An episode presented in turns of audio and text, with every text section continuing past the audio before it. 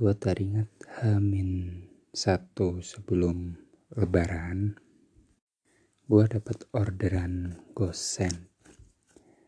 Nah kebetulan pas gue nyampe di lokasi penjemputan gue waktu itu dapatnya ibu-ibu. Nah si ibu-ibu ini dia curhat.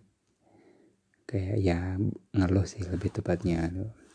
Uh, kenapa sih mas kalau saya order gosen itu pasti lama banget diambilnya. Kalaupun nanti saya dapat itu pasti ujung-ujungnya di cancel lagi di cancel lagi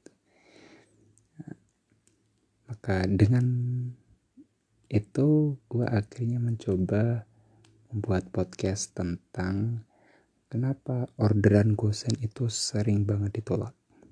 Oke. Menurut gue ada tiga alasan ya ini versi gue Tiga alasan kenapa orderan gosen itu selalu ditolak. Yang pertama adalah ribet. Ribet di sini di antaranya ada uh, rugi waktu dan uh, rugi pulsa, lalu rugi tenaga, rugi waktu.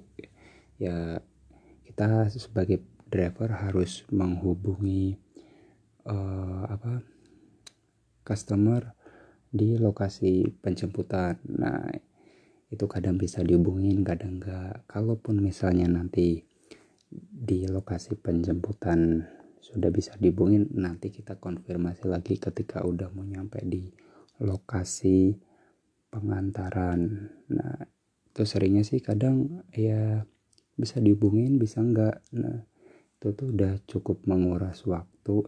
Selain menguras waktu, uh, pastinya karena menghubungi customer tadi uh, rugi pulsa.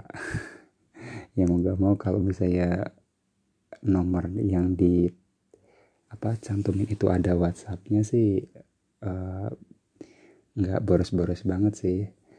Tapi kalau misalnya harus nggak uh, uh, ada WA ya mau gak mau harus korban pulsa e, kemudian rugi tenaga. Ya pasti buang-buang tenaga lah. Ngangkatin barang terus nanti muter-muter nyari alamat gitu. Ya kalau alamatnya bener. Kalau salah seringan ya udah. Itu yang bikin para driver cancel orderan gosen kemudian yang kedua uh, barang tidak sesuai dengan uh, tidak sesuai dengan standar yang ditetapkan oleh Gojek. Jadi Gojek sendiri itu menetapkan ada dimensi, dimensi dari barang yang boleh dikirimkan. Gue kurang tahu uh, detailnya seperti apa, tapi yang jelas Gojek sudah ada peraturannya sendiri. Nah kadang customer itu mentang-mentang apa ya ya udah gue punya duit ya suka-suka gue gitu. Kadang ngirimnya tuh mm, nggak mm, jelas gitu. Semisal gue pernah ketemu sama driver dia pernah dapat orderan gosen masa suruh ngirimin triplek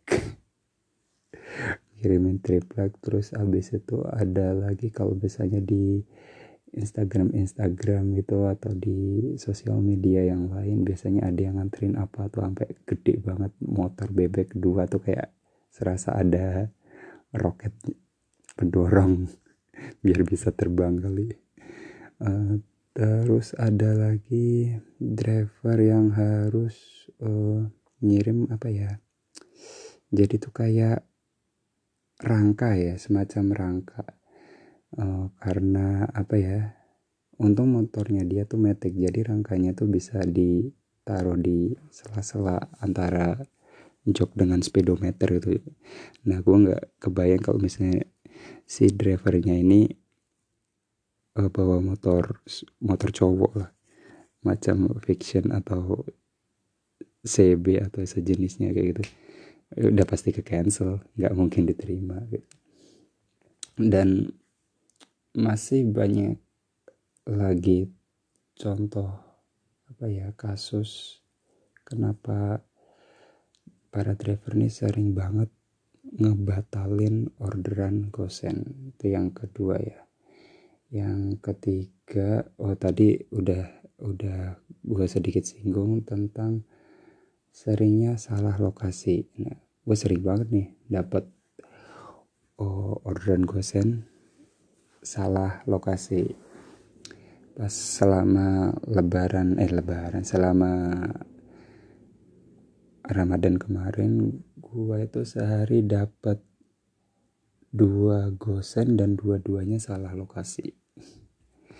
Gila udah capek-capek muter gitu kan. Ternyata lokasinya salah. Yang pertama itu gua disuruh nganterin handphone nganterin handphone itu alamat pengirimannya di daerah uh, dekat-dekat rumah sakit Condong Catur. Bawa handphone nih kalau hilang kan bahaya nih. Nah setelah gua WhatsApp si penerima ternyata lokasinya di deket Stadion Maguwo Harjo gila jauh banget tuh dari uh, rumah sakit Condong Catur ke Stadion Maguwo Harjo tapi ya namanya udah terlanjur gua pick up ya. Ya udahlah gua jalanin aja. Yang pertama kemudian oh masih di hari yang sama jadi gua dapat orderan mm, online shop gitu sih toko bayi.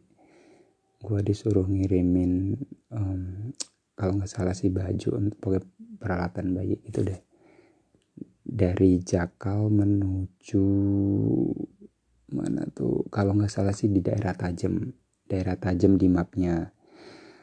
Tapi setelah gua chat si penerima ternyata lokasinya di Purwomartani.